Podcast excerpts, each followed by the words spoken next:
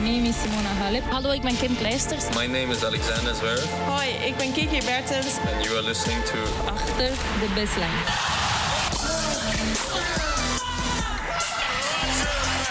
Your champion, Novak Djokovic. Dit is Achter de Baseline. Vanuit Flushing Meadows. Met Abe Kuil en David Avakian. Bianca Andrescu. Onthoud de naam en onthoud hoe de naam uitgesproken moet worden. Want David, dit meisje, ze is nog altijd pas 19, dus we kunnen haar nog meisje noemen... is iemand die we nog eh, heel lang gaan meemaken... en die nog heel veel successen gaat vieren, denk ik. Eh, ze stond er vandaag bij, net als in al haar andere wedstrijden... als een, eh, ja, iemand voor wie het allemaal de normaalste zaak van de wereld is. Iemand die geboren lijkt te zijn voor de grote podia. Het was in Indian Wells zo, het was in Toronto zo... En het is hier in de finale van de US Open. Het grootste podium wat je kan bedenken. Tegen Serena Williams, tegen een vol Arthur Ashe Stadium. Ja, was het zo dat ze alles eh, heel cool, heel kalm hield. En volkomen terecht won ze vandaag haar eerste Grand Slam titel. Ja, en zeker als het aan haarzelf eh, ligt, is ze hier om eh, te blijven en is dit geen uitzondering. Sterker nog, dit was voor haar eigenlijk helemaal niet de eerste keer dat ze een Grand Slam titel won, want in haar hoofd had ze dit al miljoenen keren afgespeeld. Ze had het al gedaan in, in allerlei soorten en maten. Ze had in haar hoofd al gevisualiseerd hoe ze tegen Serena Williams speelde op dit, eh, op dit podium. Het is iemand die, die gewoon haar zinnen heeft gezet op hele vroege leeftijd op het hoogst haalbare. En daarin gewoon slaagt. En alles op alles eh, ja, zet om, om, om haar doelen te bereiken. En ja, het gebeurt nu vrij vroeg. Maar ik, ik, ik proef geen enkele twijfel bij haar dat dit... eh, ja, dat, ja, dat is niet zo bijzonder of zoiets. Natuurlijk is het bijzonder op een zekere hoogte. Maar het is wel iets wat, wat logisch is voor haar dat dit gebeurt. En dat maakt het allemaal nog eh, ja, beangstigender, wil ik bijna zeggen. De, de potentie die, die zij heeft. Ja, ook eh, misschien als mensen het niet gezien hebben, deze finale, dan... Je zegt het al, eh, het lijkt daar niet, eh, niet beangstigend te werken of zo. Eh, De reactie zei natuurlijk alles in dat opzicht. Het was ontzettend cool, ontzettend kalm. En ja, alsof het gewoon een wedstrijd was als alle andere. Ja, ja, zeker. En ja, goed, ik, ik, ik- het, het type meisje dat zij is, de persoonlijkheid die zij heeft, de dingen die zij ook zegt. Ik, ik zit nog steeds met open mond als ik nu terugdenk aan wat zij net allemaal heeft geroepen in de persconferentie. Ze zegt, ja, ik, ik wil gewoon net zo groot zijn als Serena. Ik wil beter zijn dan Serena. Ze zegt, Serena was geïntimideerd door mij. Ze zegt, Wow. eh, nou ja, dat zei ze niet op een manier zoals ik het nu zeg. Ik zeg het nu een beetje, eh, ja, kattig. Zwart-wit. Ja, zo is het niet. Want het- dat is ook iets bij haar. Ze zegt allerlei dingen die eigenlijk te gek voor woorden zijn. Maar de manier waarop ze het zegt, ze overtuigt je gewoon. Die denkt, ja, eigenlijk, ja, ik, ik, ik, ik geloof je wel als je het zo zegt. En ja, ze, zij is gewoon hier niet om een Grand Slam te winnen. Zij is gewoon om, om de boel te domineren. Jarenlang. En ja, nogmaals, ik, ik, ik geloof het. Als, als zij gewoon haar, haar pad kan bewandelen, als er geen blessures of andere rare dingen gebeuren. Ja, dan, eh, dan zie ik het wel. Even iets meer over de wedstrijd, David. Want het moet natuurlijk ook gezegd worden hoe goed Bianca Andrescu ook was. Tegelijkertijd is het niet de Serena Williams Nee. geweest pre-moederschap in een Grand Slam finale. En met name natuurlijk, we hebben het vaak gezegd... we hebben vaak de lof uitgesproken over het grote wapen van Serena Williams. De service. Ja, die service, dit was een van de minste optredens ooit in een Grand Slam finale. Qua serveerwerk van Serena Williams. 44% eerste opslagen in. 9 aces, maar 8 dubbele fouten daarbij. Ja, het, het was eh, nauwelijks een wapen. En ze, ze won maar 30% van de punten op de tweede service. Ja, precies wat jij zegt. eh, volkomen mee eens. Ze, ze, serveerde heel slecht. Ze speelde haar slechtste punten op haar eigen breekkansen en op de breekkansen tegen. Omdat op die breekkansen tegen was het meer dan de helft van de gevallen een dubbele fout die ze sloeg. Ja, het is, het, ze, noemt het zelf. eh, ik, ik moet toch echt gaan bedenken ehm, hoe ik Serena weer terugkrijg in de finale. Want ik vind Bianca een hele lieve meid en ontzettend goed gespeeld. Maar dit was verreweg mijn slechtste wedstrijd van het toernooi, zegt ze. En ja, dat is, dat is ook waar, als ze dat zegt. Dus ehm, het, is wonderlijk dat Serena na, na, die, ja, na die cijfers die ze natuurlijk had voor haar moederschap... Hè, dat ze in die eindfase zo dominant was en eigenlijk nooit een wedstrijd verloor... dat het zo kan omslaan. Ik weet niet of dat dat te maken heeft met die moederschap of, of dat ze het net die, die, die, die, die bloeddorstigheid eh, kwijt is misschien om echt eh, tot het einde te gaan. Maar ja, het, het is weer zo'n zo'n raar optreden in, een- in een eindfase, in een, in een finale. En dan zien we dus toch dat ehm hoe Serena zich heeft opgesteld, dit toernooi in haar persconferenties. Hè? Die, die laid-back houding van, eh, ach ja, eh, ik, ik sta er nu heel anders in, et cetera. Dat lijkt dan dus toch allemaal een beetje voor de bühne te zijn geweest als je dit, dit optreden eh, vandaag zag. Misschien als je het zo bekijkt wel, maar de manier waarop zij nu in de persconferentie was, was anders dan bij al die andere keren. Want ik heb haar toen ook meegemaakt natuurlijk. En vandaag merkte ik een, een echte, oprechte frustratie en onbegrip voor wat er gebeurt. En ze brak bijna een aantal keer. Echt gewoon de, de, de tranen die moeten vocht ze tegen. Enkele keren van wat, wat overkomt me nu weer. En ik ben zo dichtbij elke keer, maar toch ook weer zo ver, noemen zij ze nog. Dus het, ja, het doet haar echt heel veel pijn dat dit gebeurt. En ik denk dat ze oprecht eh, dacht dat dit anders zou zijn dan die andere keren. Maar ja, ze zegt als ik, als ik in al mijn wedstrijden tot nu toe één keer of twee keer een service game heb ingeleverd... en in deze wedstrijd niet één keer een eerste service inkrijg... ja, dan, dan houdt het een beetje op. Dan, waarom gebeurt het in hemelsnaam? Weet je, ze, is ook, ze, begrijpt het niet. Nee, en eh, goed, ja, het is, het is allemaal een beetje verwonderlijk natuurlijk. En eh, Bianca Andreescu, het gevaar is nu dat mensen weer heel snel gaan roepen. Hè? Dat, dat blijft een, een, een terugkerend iets als iemand iets groots wint. Vanaf nu gaat zij domineren en, en is zij niet meer te kloppen. En, en het is makkelijk om in die euforie eh, eh, op te gaan. Want het is natuurlijk één grote flow waar zij nu in zit. Het is ongelooflijk hoe lang die flow duurt. Maar tegelijkertijd gaat er natuurlijk ook het moment komen voor Andrescu... dat zij weer even wat minder ehm, eh, eh, gaat spelen. Dat ze partijen gaat verliezen. Ehm, dus het, het lijkt me niet zo dat ze in één keer doorstoot naar de nummer 1 positie eh, eh, vanaf nu. Goed, Nou, ja. we zullen het afwachten. Maar het is natuurlijk wel zo. Ik, ik, ik vind nog steeds, ehm, dat hebben we ook al besproken. Ja, de- die mentaliteit die ze heeft, dat is, dat is wel echt iets unieks. Het, het laat zich met, met bijna niemand vergelijken. Alleen met, met de grote kampioenen. Ja, ik, ik moet bijna terugdenken aan Serena en Venus destijds. Die natuurlijk met, met een stoïcijns eh, gevoel steeds die baan opkwamen van... wij komen hier aan en wij gaan hier nooit meer weg. En wij gaan deze sport veranderen. En ja, dat, ge- dat gevoel dat krijg je toch ook een beetje bij Andrescu. En dat is anders dan bij andere eh, talenten geweest de laatste jaren. Nee, zij zit er anders in. Echt. Zij zit heel anders in deze sport en heel anders qua, qua doelen en wensen die ze ook heeft. Waar andere eh, ja, Grand Slam kampioenen die voor het eerst een Grand Slam wonnen zeiden... oh, wat zou het toch gaaf zijn om dit weer te kunnen doen. Is het bij Andrescu, ik ga dit weer doen. Keer op keer op keer. Ik ga dit winnen, ik ga domineren, ik wil nummer 1 zijn, ik wil meer dan Serena. Ik wil de grootste alle tijden zijn.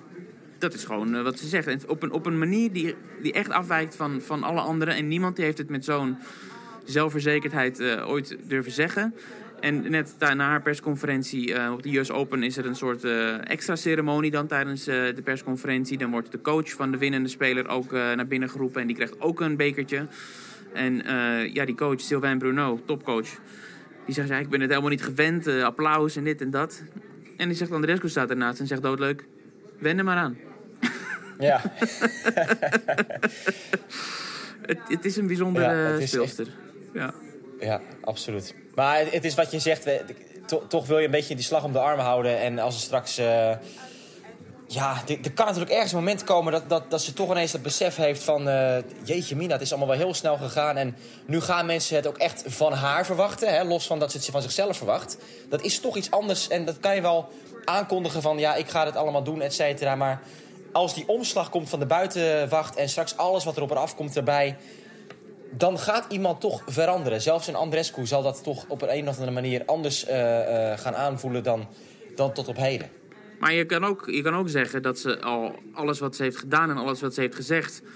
steeds, steeds eh, ja, she backs it up. Hè? Want ze heeft in US gewonnen, ze heeft Toronto gewonnen... en ze zei de US Open heeft ze ook gewonnen. Dus tot op zekere hoogte heeft ze die flow natuurlijk Ja, maar ze moet, ze moet ergens weer gaan verliezen natuurlijk. Ja, dat, dat wordt sowieso een heel eh, evenement natuurlijk. Eh, dat wordt de krantenkoppen. Bianca Andreescu verliest een wedstrijd. Dat is ook eh, te gek voor woorden dat het zo eh, extreem is... dat zij in die hele reeks gewoon geen wedstrijd verliest.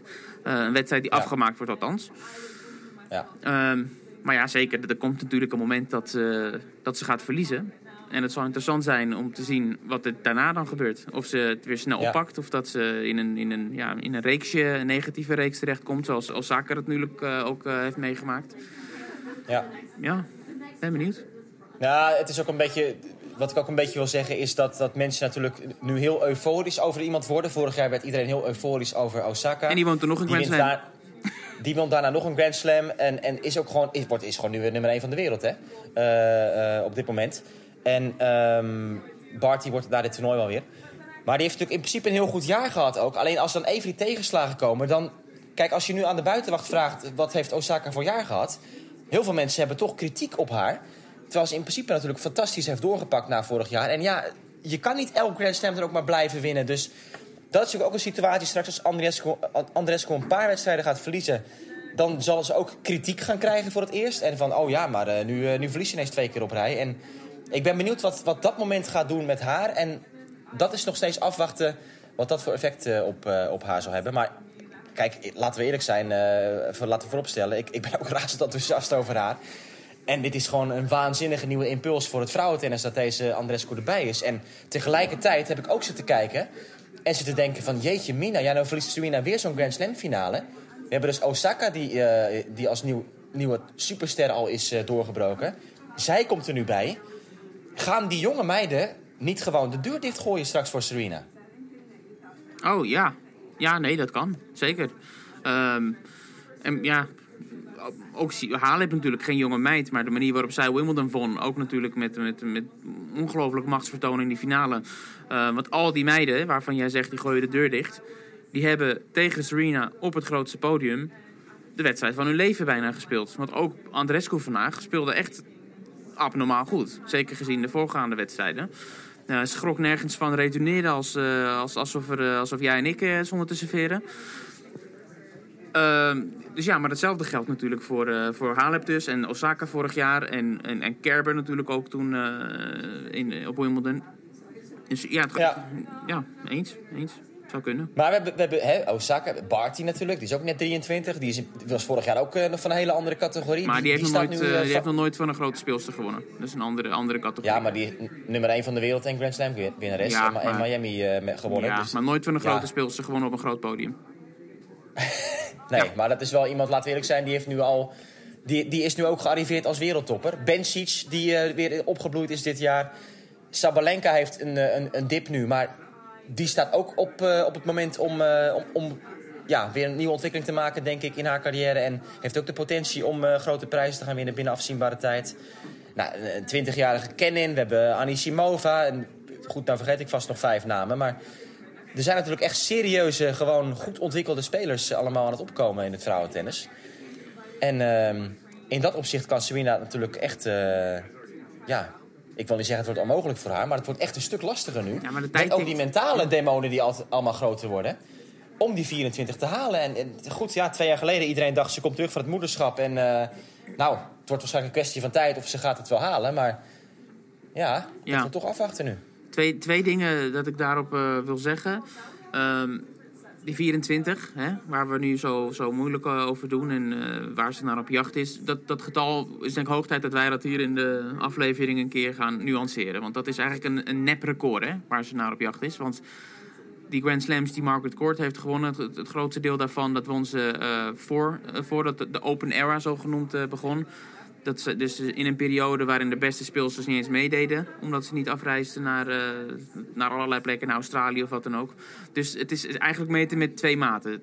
Het heette dan wel Grand Slams, 24. Maar het is niet helemaal hetzelfde. Dus eigenlijk is Serena natuurlijk al eh, met kop en schouders de, de, de, de grootste. In, dat, in die zin, in- qua Grand Slams. En ten tweede wilde ik zeggen over die jonge generatie. ehm, die statistiek die ik vandaag eh, voorbij zag komen. Dat Andreescu nu dus de, de eerste speelster in, eh, geboren in de 2000 is, hè, die een Grand Slam wint. Terwijl aan de mannenzijde, de ATP heeft niet één Grand Slam winnaar geboren in de jaren 90. Dus er is gewoon een hele, hele generatie. Het kan zijn dat dat eh, morgen sneuvelt. Die Dat kan statistiek inderdaad morgen maar- sneuvelen. Dat zou eh, helemaal bizar zijn als dat gebeurt. Maar ja, dat is natuurlijk niet, niet te geloven, zulke cijfers. Wat jij zegt over het Grand Slam record van eh, Margaret Court, ja, die heeft inderdaad vooral eh, bij de Australian Open jaren het toernooi gewonnen. Terwijl dat eigenlijk gewoon Australische kampioenschappen waren, letterlijk. Er waren gewoon jaargangen dat er alleen maar Australische speelsters eh, meespeelden daar. En goed, dat was dus, ja, dat, dat kan je natuurlijk totaal niet vergelijken met de titels van nu. Dat ben ik helemaal met je eens. Maar anderzijds, ehm Serena jaagt natuurlijk wel degelijk op die 24, laten we eerlijk zijn. Dat, Ja, ja. Dat, dat wil ze gewoon verbreken, dat record. Maar dat is ook een mediadingetje hoor. Want ik heb heel veel journalisten hier gesproken die, eh, ja, die, die eigenlijk al decennia lang deze sport volgen. En ja, dan komen we al snel eh, uit bij Steffi Graaf, die de 22 heeft gewonnen. En al die journalisten die vertellen mij dat in haar tijd sprak helemaal niemand over dat record van Margaret Court. Het was gewoon, Graaf heeft de 22, Graaf is de nummer 1. Is de leider op die lijst. En nu is het ineens met Serena, is dat er- erin gekropen dat dat het record is waarnaar ze op jacht is. Dus ja, natuurlijk wil ze dat winnen. Maar ik, ik denk dat de media en zijzelf daardoor ja, iets te veel waarde aan hechten. Ehm, ik wil het stilaan gaan afronden, David. Eh, het vrouwentoernooi. Ik wil jou nog een vraag stellen. Want we hebben natuurlijk weer vier verschillende kampioenen gehad dit jaar. Bij de Grand Slams, bij de vrouwen. We hebben Naomi Osaka gehad die in eh, Melbourne wist te winnen. We hebben Ashley Barty gehad die Roland Garros wist te winnen. Simona Halep won Wimbledon. En nu wint Bianca Andreescu de US Open. Welke titel van de vier is voor jou het minst verrassend? Ik zag die op Twitter voorbij komen, die vraag. Ja, van. Morgado, die gooide die poll erin. Dat klopt. Eh, een Portugese journalist. Even denken. Ik denk... Denk jij, denk jij er even over na en Ja. dan ga ik alvast antwoord geven. Want hoe gek het ook klinkt, voor mij is eigenlijk Andrescu het minst verrassend van deze allemaal. We hebben het zelf in de voorbeschouwing aangegeven dat wij dit als de finale verwachten. Andrescu tegen Serena Ja. Williams. Ja, op zich, het is zeker niet de meest verrassende. Zover ben ik, ben ik het wel met je eens. Maar jij vraagt wat, eh, wat wel de meest verrassende was.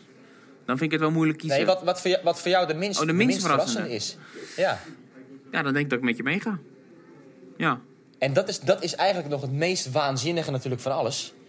Dat dit 19-jarige meisje bij haar debuut op de US Open de titel wint. ja. Maar dat voor ons gevoel het niet eens meer zo verrassend is... als Osaka, de US Open kampioene... de Australian Open erna pakt. maar of ja, een Barty Roland Garros of een Halen Wimbledon. Dat, lag toch, dat zat er toch minder aan te komen dan dit. ja, maar wij beantwoorden deze vraag nu met de kennis van nu. Hè? Als wij deze vraag aan het begin van het jaar zouden krijgen, hè, in januari... Ja, ja, nee, nee, Dat, ja, dat, dat, maakt natuurlijk een wereld van verschil. Met de, met de kennis van nu en gezien eh, hebbende wat, eh, wat zij gedaan heeft... en eigenlijk geen wedstrijd verloren heeft, ja, dan eens. Waarom zou ze er nu wel Ja. eens verliezen? Bij haar debuut op de US Open hè, moeten we nog maar een keer... eh, dat is de eerste keer dat ze meedoet aan het hoofdtoernooi. Tja. Ja, het is allemaal ongelooflijk. Maar dat is wat betreft ehm, de vrouwen Grand Slams van dit toernooi, van, eh, of van dit jaar, van dit decennium ook. We, gaan even afronden met de situatie nu die ook ehm, voor Kiki Bertens belangrijk is. Want we hebben natuurlijk de race to Shenzhen, die de komende weken heel belangrijk gaat worden. De race naar de WTA-finals voor de, de beste acht speelsters van het jaar, die daar dan mogen meedoen. En Bertens, die is eh, nu gezakt op die lijst. Die stond zesde voor de US Open begon. Maar die is ingehaald nu door Andrescu, door Serena Williams en door Belinda Bencic. En dus staat ze negende. Heeft Serena al iets gezegd over haar plannen in dit najaar? Nee. Serena heeft, eh, is er niet naar gevraagd. En die vraag was misschien wel gesteld als de persconferentie iets langer had geduurd. Maar het werd vrij kort gehouden ook. En, ehm, en ja, nogmaals, ze, was emotioneel eh, een beetje instabiel. Ook op een gegeven moment had ik ook wel de indruk dat het echt afgebroken werd... om, om te voorkomen dat zij daar in tranen uit zou barsten. Ehm, er is niks over gezegd. Ik denk nu wel het feit dat ze hier heeft verloren... de kans verkleint dat ze China gaat spelen. Om een of andere reden. Eh, omdat ze natuurlijk niet... eh, ja, ze moet nu dit gaan verwerken. En ik heb het idee dat Serena niet heel makkelijk eh, dit soort dingen verwerkt. Dat het altijd wel eh, duurt, eventjes. En iets anders wat voor Kiki eh, misschien positief is... en heel vervelend voor Elina Svitolina vooral... maar zij heeft aangegeven dat haar knieklachten weer opspelen.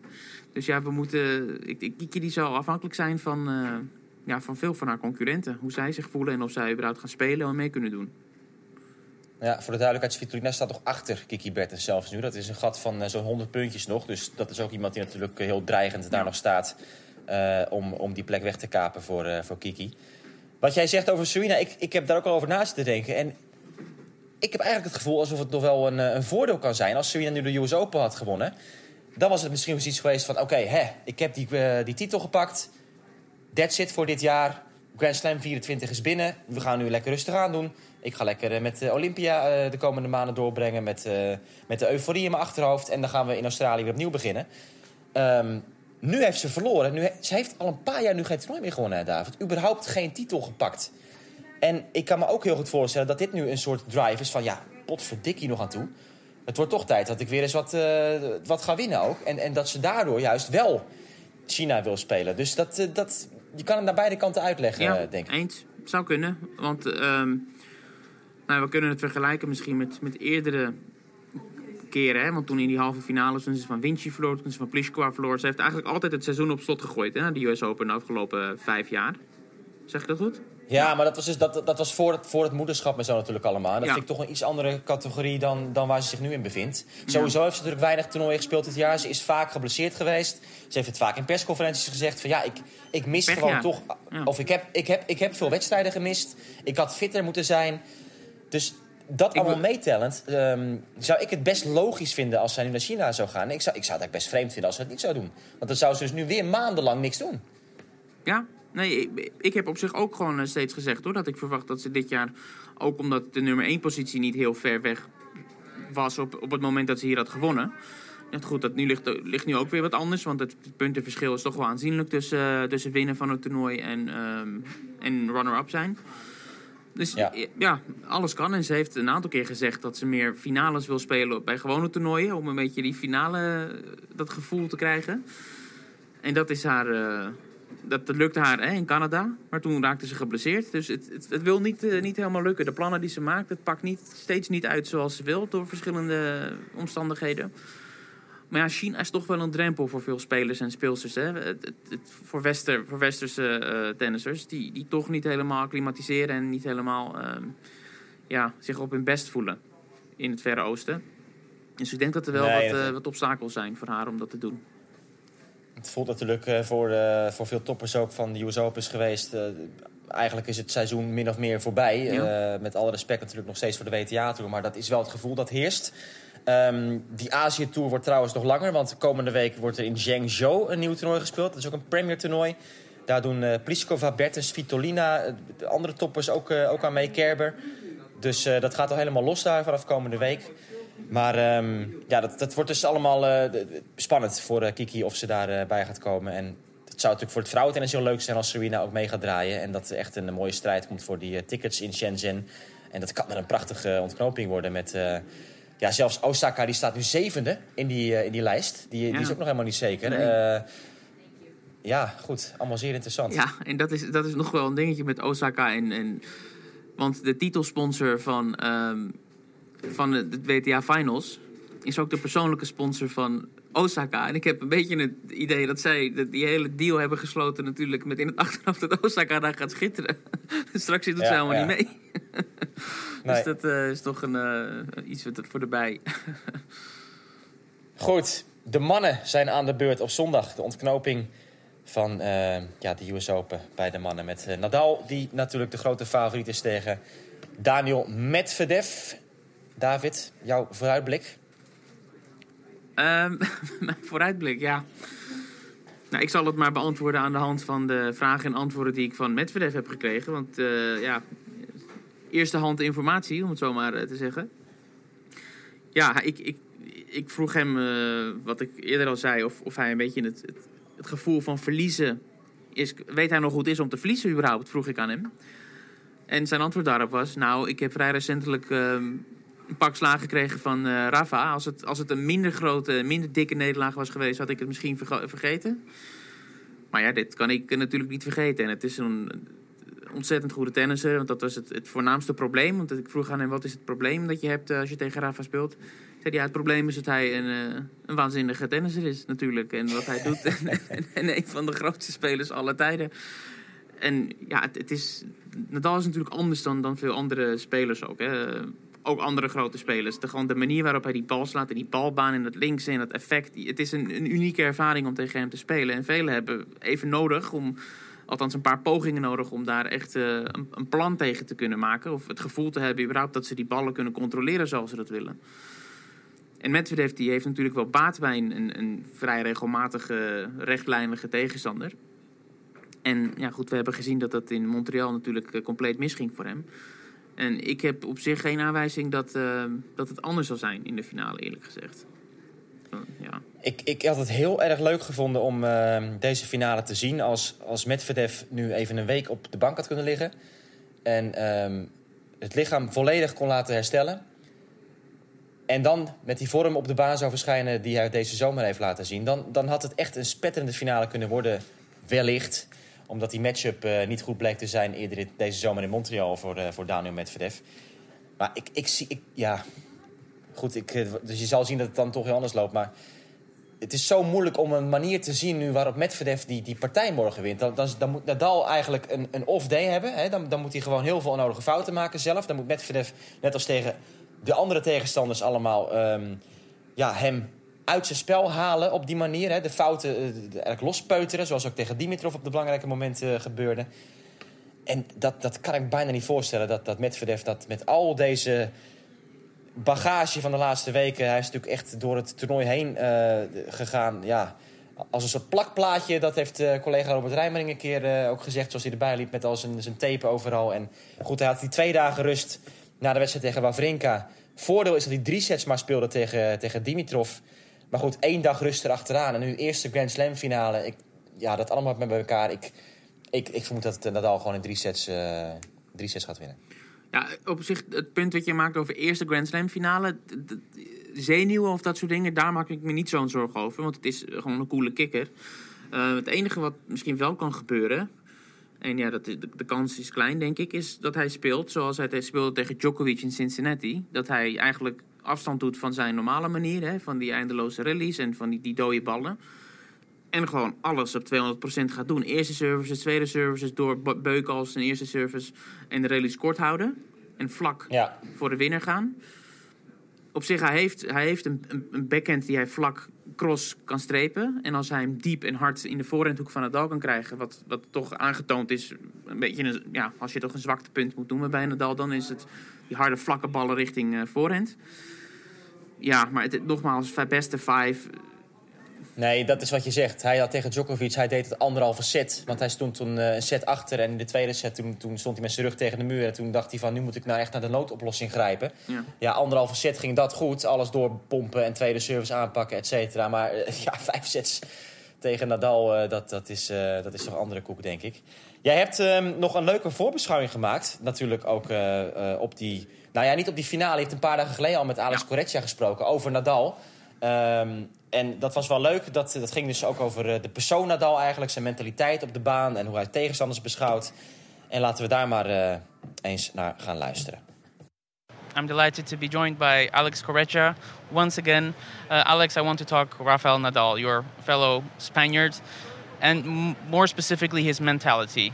Explain how it's possible that Rafa is able to be on all the time. Well, a pleasure for me, of course. Uh, this is something that's been there forever. You know, you don't learn that in one practice in one year.